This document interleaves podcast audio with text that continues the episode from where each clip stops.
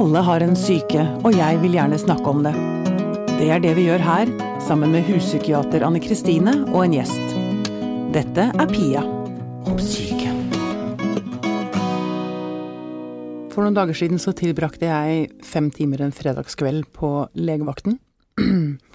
Det er jo litt slitsomt, men uh, da jeg satt der, da hadde jeg jo veldig god tid til å tenke. Og uh, så tenkte jeg plutselig at hm, jeg kan gå ned til legevakten og få hjelp. Det er det jo ikke alle mennesker som kan. Eh, før vi kommer dit, så må jeg bare si velkommen til Anne Kristine først. Psykiater, fagpersonen, legen. Du kan så mye om så mye rart, du. Takk for det. det er en fin introduksjon. ja. Fordi grunnen til at jeg begynte med legevakten, det var at uh, gjesten vår i dag er uh, nødhjelpskoordinator i Leger uten grenser. Hun har vært det i snart ti år. Lindis Hurum, velkommen hit. Takk. Du eh, har vært gjennom ganske mye i løpet av disse ti årene. Eh, bare for å nevne noe, du var en av de første på plass etter jordskjelvet i Haiti. Jobbet med ebola, eller ebola, borgerkrig. Siste nå var at du hjalp til å redde båtflyktninger i Middelhavet. Og jeg kunne sikkert laget et mange timers program om alt du har opplevd, og om politikken, og om hvordan vi skal redde verden. Men det skal vi ikke her, fordi her skal vi snakke om psyken. Ja. Så mitt første spørsmål til deg er hvordan i all verden overlever du det psykiske eh, med alt det vonde du har sett? Jeg hadde falt sammen i en gråt, nei, i en haug og begynt å grine, helt sikker på. Jeg hadde ikke takla det. Men du gjør det. Ja, er du sikker på det? Det jeg tror det er vanskelig å vite hvordan man reagerer på, på, det jeg møter, før man står der og er der. Mm. Jeg opplever det ikke som spesielt vanskelig psykisk når jeg står i det. Um, det er krevende uh, å lage gode nok planer og få gjort godt nok arbeid, og fysisk veldig krevende. Um, men um, jeg er i hvert fall heldigvis skrudd sammen sånn at jeg legger merke til de fine tingene, og det er også alltid masse fine ting. Eh, ja. Selv etter et jordskjelv eller i en epidemi eller i en krig. Så er det barn som blir født. Eh, jeg treffer mennesker som jeg blir glad i, og folk fortsetter å le og være folk, også ja. i nød, da. Eh, så det er mye vanskeligere når jeg kommer hjem. Da, det, det er vanskelig, og har vært vanskelig eh, siden første gangen jeg reiste ut. Fordi? Fordi kontrasten er eh, enorm. Eh, for det første, den første møtet med Norge er eh, veldig, veldig, veldig stor kontrast. Bare komme på Gardermoen og se forsiden på VG og Dagblad er allerede der en For det er sånn slankehysteri, eller? Ja. Jeg husker jeg kom hjem til smørkrisa. Det det var litt tungt. um, så det er det første. Og så er det noe med at jeg har Jeg har vært ute det lengste jeg har vært ute, var et år, men jeg har også hatt veldig korte oppdrag som fem uker. Men selv på fem uker opplever jeg utrolig mye. Um, ja, for tiden blir vel litt annerledes når du er ute i sånne kriser, at det blir, blir mye mer intenst? Ja, det er veldig, veldig intenst, og det er veldig fokusert. Eh, bare fokus på det vi skal gjøre. Få timen til å fungere, eh, sørge for at vi får mat og noe søvn. Og, så det er veldig, veldig fokusert arbeid, samtidig som vi eh, får gjort veldig mye. Eh, heldigvis. Og det gir vel kanskje også en styrke, det at du faktisk opplever at du hjelper? Ja. At, at, at, ja, det er aktivt. Altså, det, jeg står i det, og det er tungt på en måte, men samtidig så bidrar vi og hjelper noen et menneske av gangen. Og det er såpass givende at det eh, gjør at det er, veldig samla sett en veldig positiv opplevelse, eh, stort sett. Mm. Mens da å komme hjem, så får jeg jo tid til å reflektere over det, um, og skal fordøye det. Eh, som er liksom én jobb, og så er det det å møte virkeligheten her hjemme. Og jeg føler ofte at jeg ikke har forandra meg, men at jeg hver gang har flytta bitte litt på mitt perspektiv og tenkt noen nye tanker og møtt uh, Stått i situasjoner jeg ikke har gjort før. Mens når jeg kommer hjem, og det er ikke så veldig mye som skjer her hjemme. Nei, for du kommer tilbake, det er nesten som at ja. du liksom hopper tilbake i tid. Ja. Det er akkurat likt her hjemme. Ja. Og så er det da veldig vanskelig for uh, mine nære også, og uh, Eller umulig å sette seg mm. inn i uh, hva jeg har opplevd, uansett egentlig hvor mye jeg forteller. Og så er jeg litt dårlig på å fortelle om det da. er du det? ja, Holder litt. Du, hvorfor det? Det er veldig vanskelig hvor jeg skal begynne. Um, Så da Så det er det som er det vanskeligste psykisk, er eh, å takle den veksel, vekslinga, eh, kontrastene. Um, men som jeg også etter hvert har eh, begynt å like litt, da, for det er jo i, i det vanskelige og i kontraster at ofte det oppstår eh, fine ting. Eller ikke, i hvert fall det lærer jeg veldig mye av. Da. Mm. Mm. Du, bare spole litt tilbake, jeg har lyst til å spørre Anne Kristine om noe. Du sa at selv i kriser, altså i, i, epidemier eller i kriger, så evner menneskene å, å se gode ting. Altså at man, man, ler fortsatt, at det blir født barn og sånn. Jeg, jeg, har lyst til å snakke litt om hvor Altså styrken det menneskelige sinnet faktisk har. Altså det at vi mm. evner Altså at vi for å overleve så er vi helt nødt til, eller, eller er vi skapt sånn at vi liksom ser de gode tingene? Er det vi er i hvert fall skapt for å tåle veldig mye. For ja. hvis det er noe vi ser gjennom menneskehetens historie, er at det har vært katastrofer og kriser, altså både naturkatastrofer og kriser, og menneskeskapte, helt siden verden ble til. Mm. Sånn at sånn sett så er jo mennesker designa for å tåle utrolig mye, og mennesker er tilpasningsdyktige og, og fleksible. Sånn at uh, det er utrolig hva mennesker er i stand til å tilpasse seg, og det er jo på godt og vondt. Mm. Det betyr jo at mennesker kan uh, tilpasse seg også ting de ikke burde tilpasse seg til, selvfølgelig. Mm. Men, uh, men, det er jo en, den måten menneskeheten har overlevd på. Mm.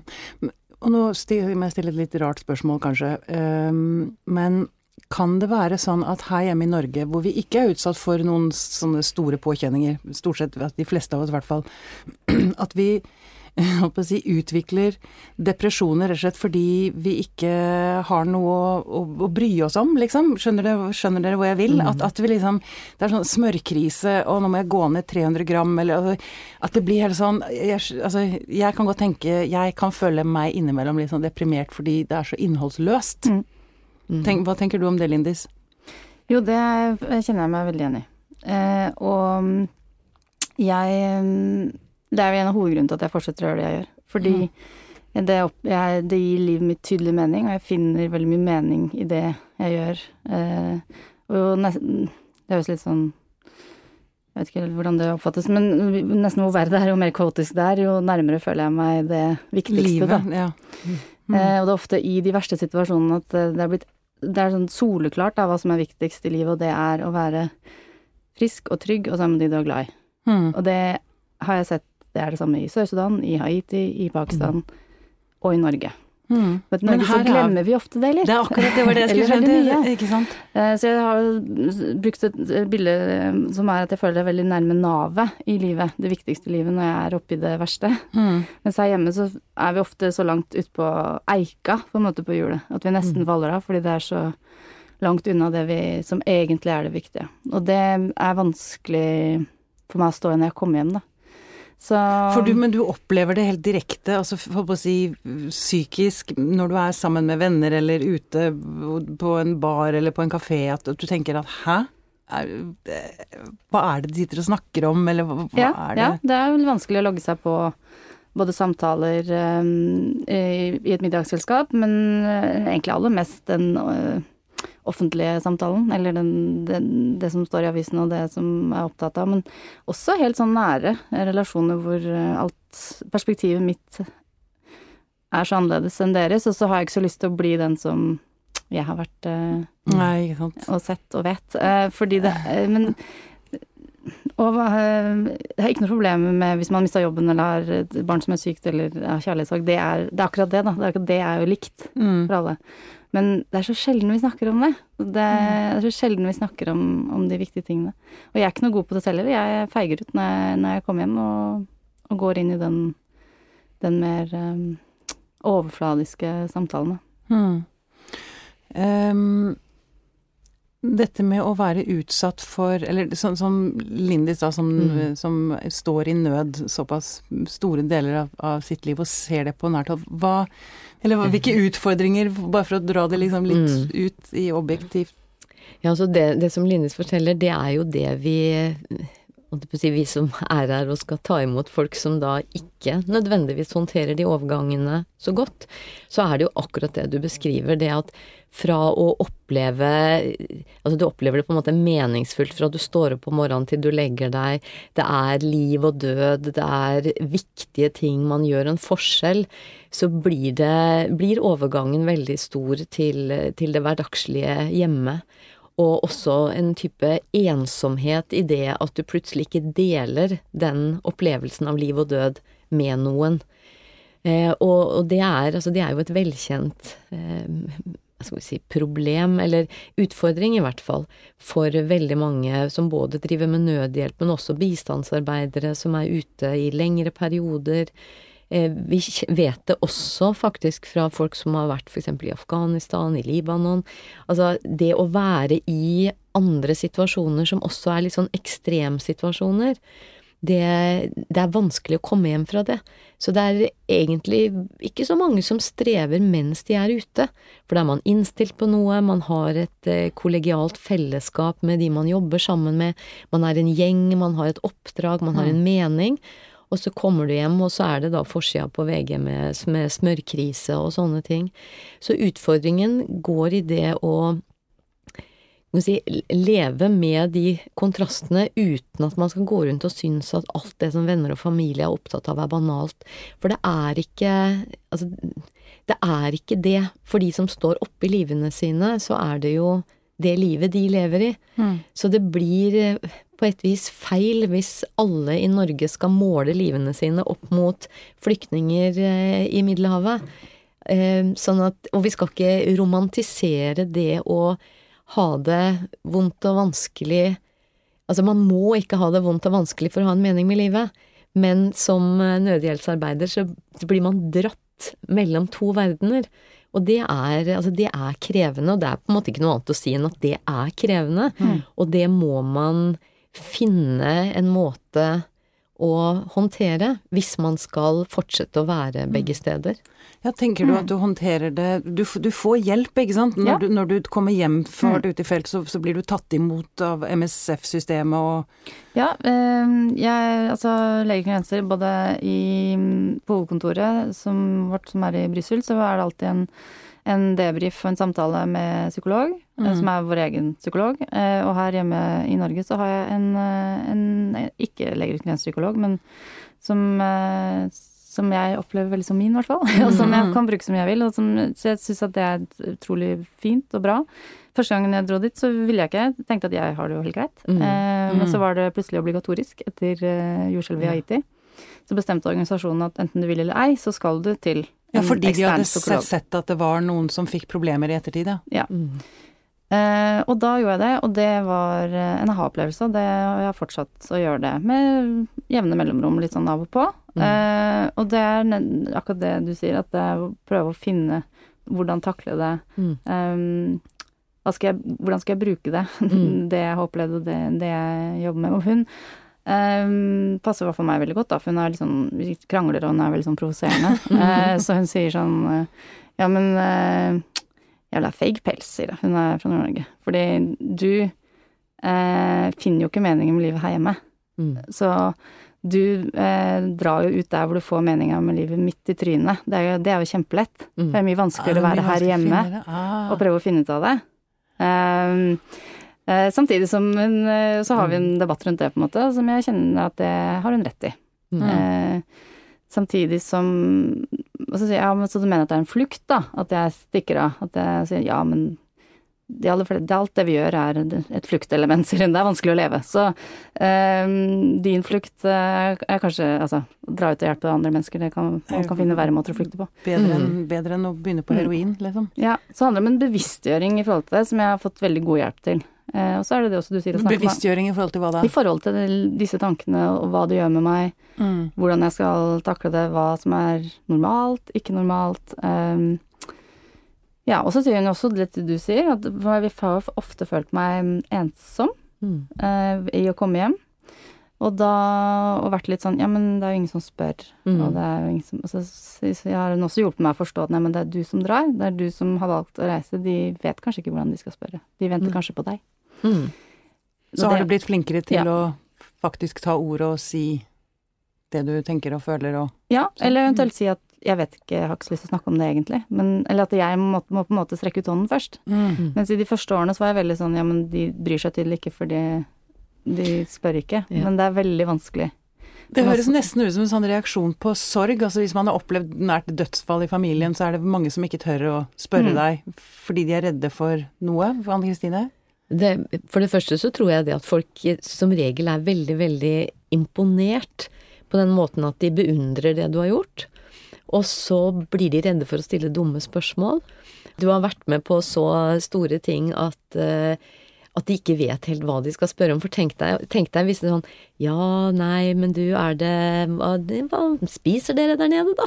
Altså, det blir sånne platte, dumme spørsmål, og så er det også vanskelig, det vet vi jo i hverdagen, det er jo vanskelig å stille de spørsmålene. Hvordan er det å stå med døende barn i hendene? Mm. Det er ikke så lett å stille det når du er ute på et kaffebesøk heller. Nei. Sånn at jeg tror at folk føler seg um, altså redde for å si noe feil, Mm. og så vet de ikke helt hvilke ord de skal bruke.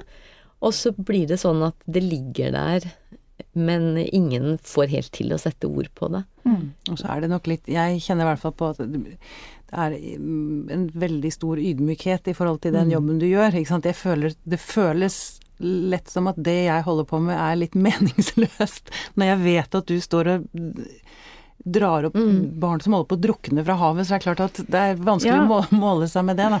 Men det syns jo jeg Altså, det blir jeg både litt lei meg for, og så syns jeg det jeg greier, Det greier jeg ikke å stå i, fordi at jeg det, Jeg tenker jo ikke det om deg.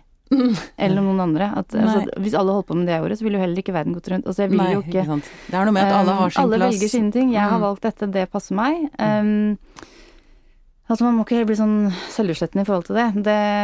Jeg er jo fortsatt Lindis. Jeg bodde i Norge i 35 år før jeg valgte å, å, å gjøre det her. Mm. Eh, så det blir veldig rart for meg at folk skal forholde seg, særlig de nærmeste, da, eh, skal forholde seg til meg på en helt annen måte fordi jeg har stått med et døende barn i armen. Mm. Eh, så Men jeg, forstår, jeg forstår det, at det kan Mm. være sånn. Men jeg har veldig lyst til å fortsatt få lov til å være meg òg. Det er også ganske viktig, da. At jeg ikke plutselig blir Mm. bare, er- bare er helt, liksom. Det orker jeg ikke. Virkelig ikke. Men jeg Mm. tror også det at, det at du må måtte akseptere og erkjenne at folk har sånne reaksjoner, Mm. gjør at du må ta litt mer av det ansvaret, fordi at når du da vet at folk tenker sånn, så må du strekke ut hånda, Mm, som mm. du sa i stad, Mm. og være den som viser at hei, jeg er Lindis, med alt det jeg har gjort. Mm. Men, eh, men jeg er jo meg. Mm. Men, eh, men det er eh, Det blir sånn Det blir litt som å, å skulle snakke til en slags helt. Ikke sant? At man blir litt sånn Det jeg har å spørre om er sikkert veldig dumt. Og, og vi, vi mennesker, vi er jo Vi går jo fort i det sporet. At Mm. vi blir redde for å gjøre feil. Mm. Fordi at hvis jeg spør deg om noe, og det viser seg å være helt dumt, så blir jo det veldig skamfullt for meg. Sånn at jeg vil ikke stille min uvitenhet til allmenn beskuelse ved å stille spørsmål. Mm.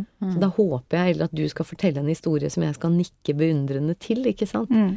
Og så er jeg liksom redda ut av den situasjonen. Mm. Ok, vi, skal vri litt grann eh, fokus her. Um, eh, for å snakke om meg igjen. Nei. Ja, la oss det. Altfor mye snakk om meg. Helt enig. Nei, men eh, jeg har hatt en del omveltninger i livet mitt i det siste.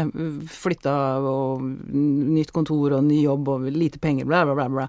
Og så har jeg kjent en del på eh, sånn dypt stress, eh, som om jeg liksom har mista fotfestet litt. Grann. Og igjen så har jeg tenkt litt videre.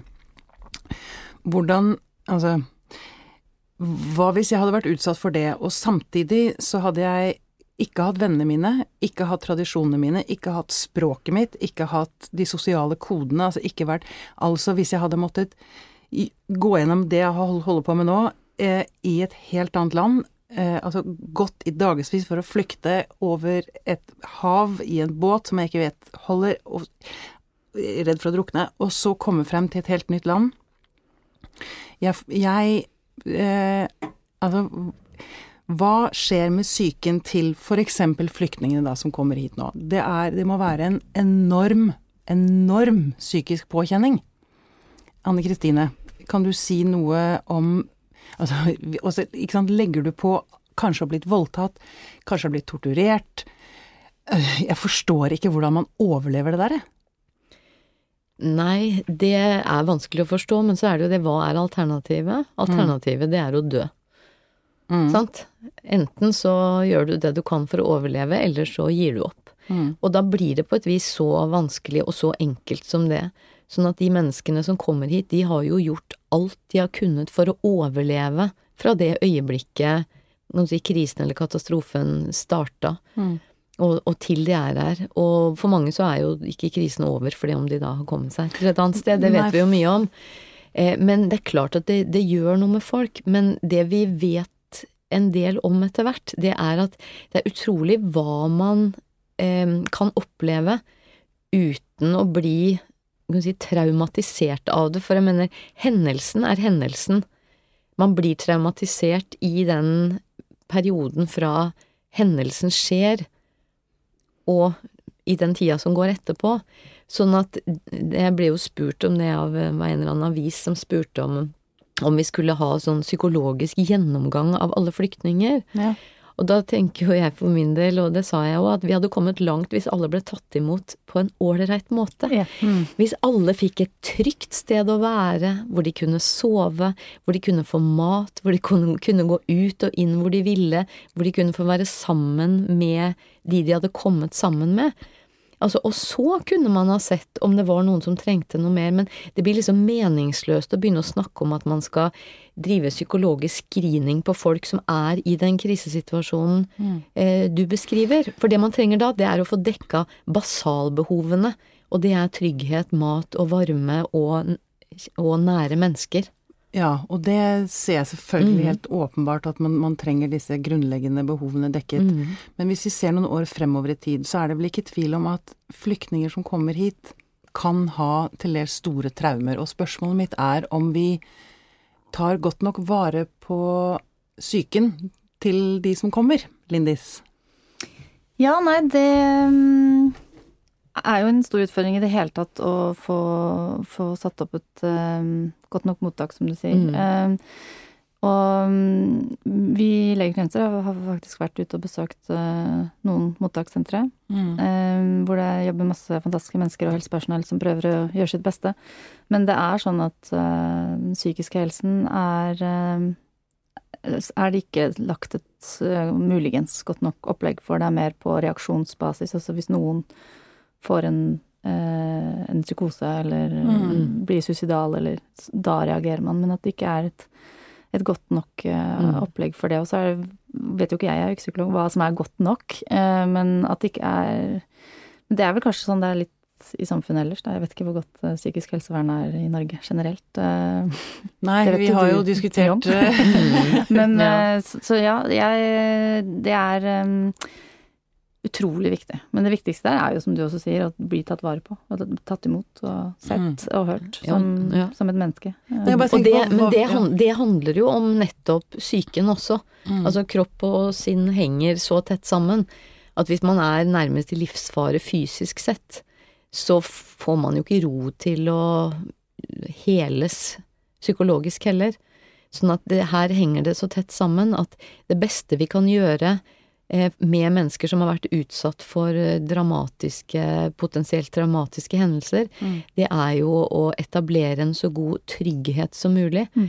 Og med trygghet så betyr jo både materielt sett, altså med et sted å sove og mat og mennesker, men det betyr også forutsigbarhet. Altså ja. fordi at i kriser og katastrofer så er jo noe av det den aller største belastningen, det er at man vet ikke om det kommer til å skje noe, når det kommer til å skje, hvilke konsekvenser, hvor lenge det vil vare, og kan du da tenke deg å være flyktning og komme til Norge, og så vet du Du vet ikke hvor du skal være, og du vet ikke hvor lenge du skal være der, du vet ikke om du blir sendt ut. Sånn at det første og viktigste man må gjøre for flyktningene, det er jo å fortelle her skal du være, og her skal du være så lenge. Eller du skal få lov å være her til da og da når du ikke skal være her lenger, så skal du dit. Altså mm. skape forutsigbarhet. For hvis du i det hele tatt skal begynne å jobbe med psykologiske traumer, Mm. så må man jo ha en allianse til noen, og for å ha en allianse til noen, så må man stole på dem. Og skal man stole på dem, så må man jo tro på det de sier. Tillit. Ja, og skal man tro på det de sier, sant, så må de jo kunne si noe som er riktig, og som det går an å stole på. Mm. Nemlig at her er du trygg. Og hvis det kommer noen og kaster deg ut dagen etter, så er du ikke trygg, og da ryker jo hele innledninga. Mm.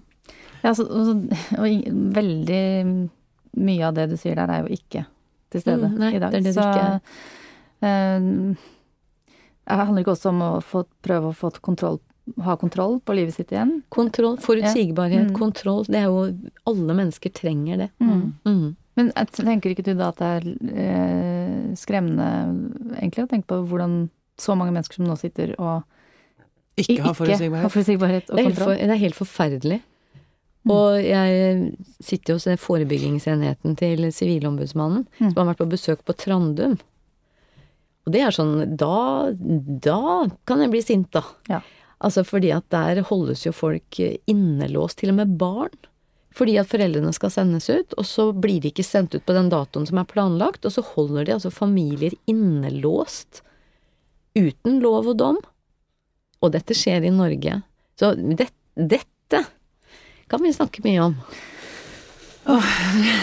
Ja, nei, det er veldig tungt, det merker jeg. Altså, nå Mm. som du ser eh, En ting er hva, hva vi gjør her i Norge, men de bildene som har kommet nå i det siste Ja. med, eh, i, fra Hellas, med grenser som Kan du tenke deg Det Det jeg ikke forstår, Mm. det, er, altså, det er veldig mye jeg ikke forstår i akkurat det vi snakker om nå, men at, at ikke altså Det er noe med at det, dette skjer nå, men det er jo også Dette kommer til å vare i mange år, og Mm. sårene som skapes, og jeg, altså jeg blir jo Mm. redd for at Ikke sant. Mm. Hva, hva skjer med verden? Det er, helt, det er jo helt sykt.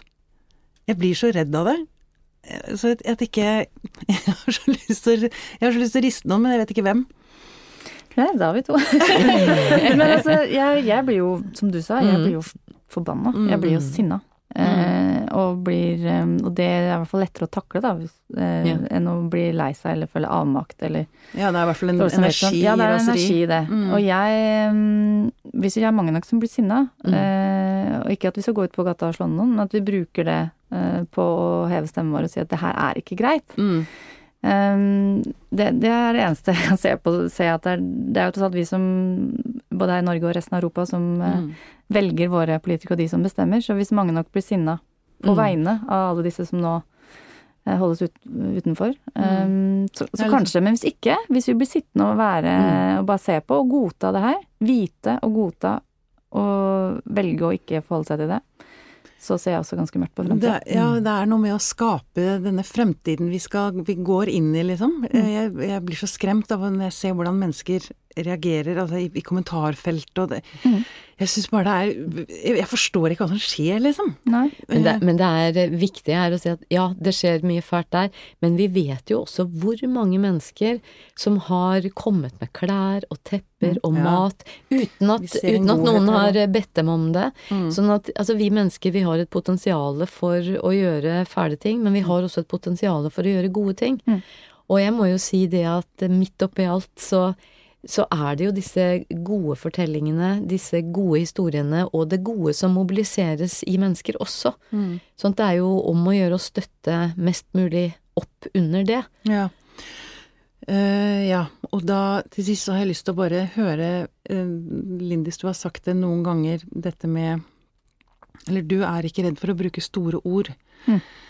Og den um, uh, Det jeg har hørt deg si noen ganger ehm, jeg, man, man blir litt redd for det, eh, men jeg har eh, lyst til å, altså, Dette med kjærlighet, rett og slett. Mm. Omsorg, kjærlighet. Det har du ganske sterke ord om. Ja, eller jeg, det er litt tilbake til det jeg sa, det viktigste i livet, da. Mm. Som er å være trygg og frisk og det, sammen med de du er glad i. At størst av alt er kjærligheten, Mm. eh, rett og slett. Um, Men vi, litt redde, vi, er litt redde for å si det i Norge. Ja. Si sånne ting. Vi har liksom ikke lov til det. Det er litt Nei, jeg kjenner det krever et mot hver gang jeg sier det mm. selv. Um, men jeg har gjort det til en, at det skal jeg gjøre. Mm. Uh, nettopp fordi Også for ofte det som er litt ubehagelig, har jeg oppdaga er ofte ganske viktig. Uh, men jeg holder en del foredrag og møter større grupper mennesker, og da pleier jeg å si det. Um, husk på det, at det viktigste er kjærligheten og være glad i hverandre. Nå syns jeg dere skal gå hjem og si til de dere bor sammen. Og er glad i at dere er det. Mm. Og det er nesten blitt et sånn eksperiment for meg, for da kan jeg se eh, på de i salen som syns at det er helt fantastisk, eh, mm. og som liksom setter seg litt opp på stolen og gjerne kommer bort og snakker med meg etterpå. Og så er det de som begynner å fikle med telefonen. Det er noen som går, ja. eh, som tenker at enten ah, eh, godhetstyrann, eller tar meg ikke seriøst, litt sånn naiv blond dame, mm. eller rett og slett ikke orker helt å forholde seg til det, tror jeg, fordi mm. det er så uvant for oss mm. å snakke om det. Det er synd at det er uvant. Mm. Veldig synd. Må, den, den, vanen må vi snu. Det må vi. Mm. Så for jeg er veldig glad i det. det samme.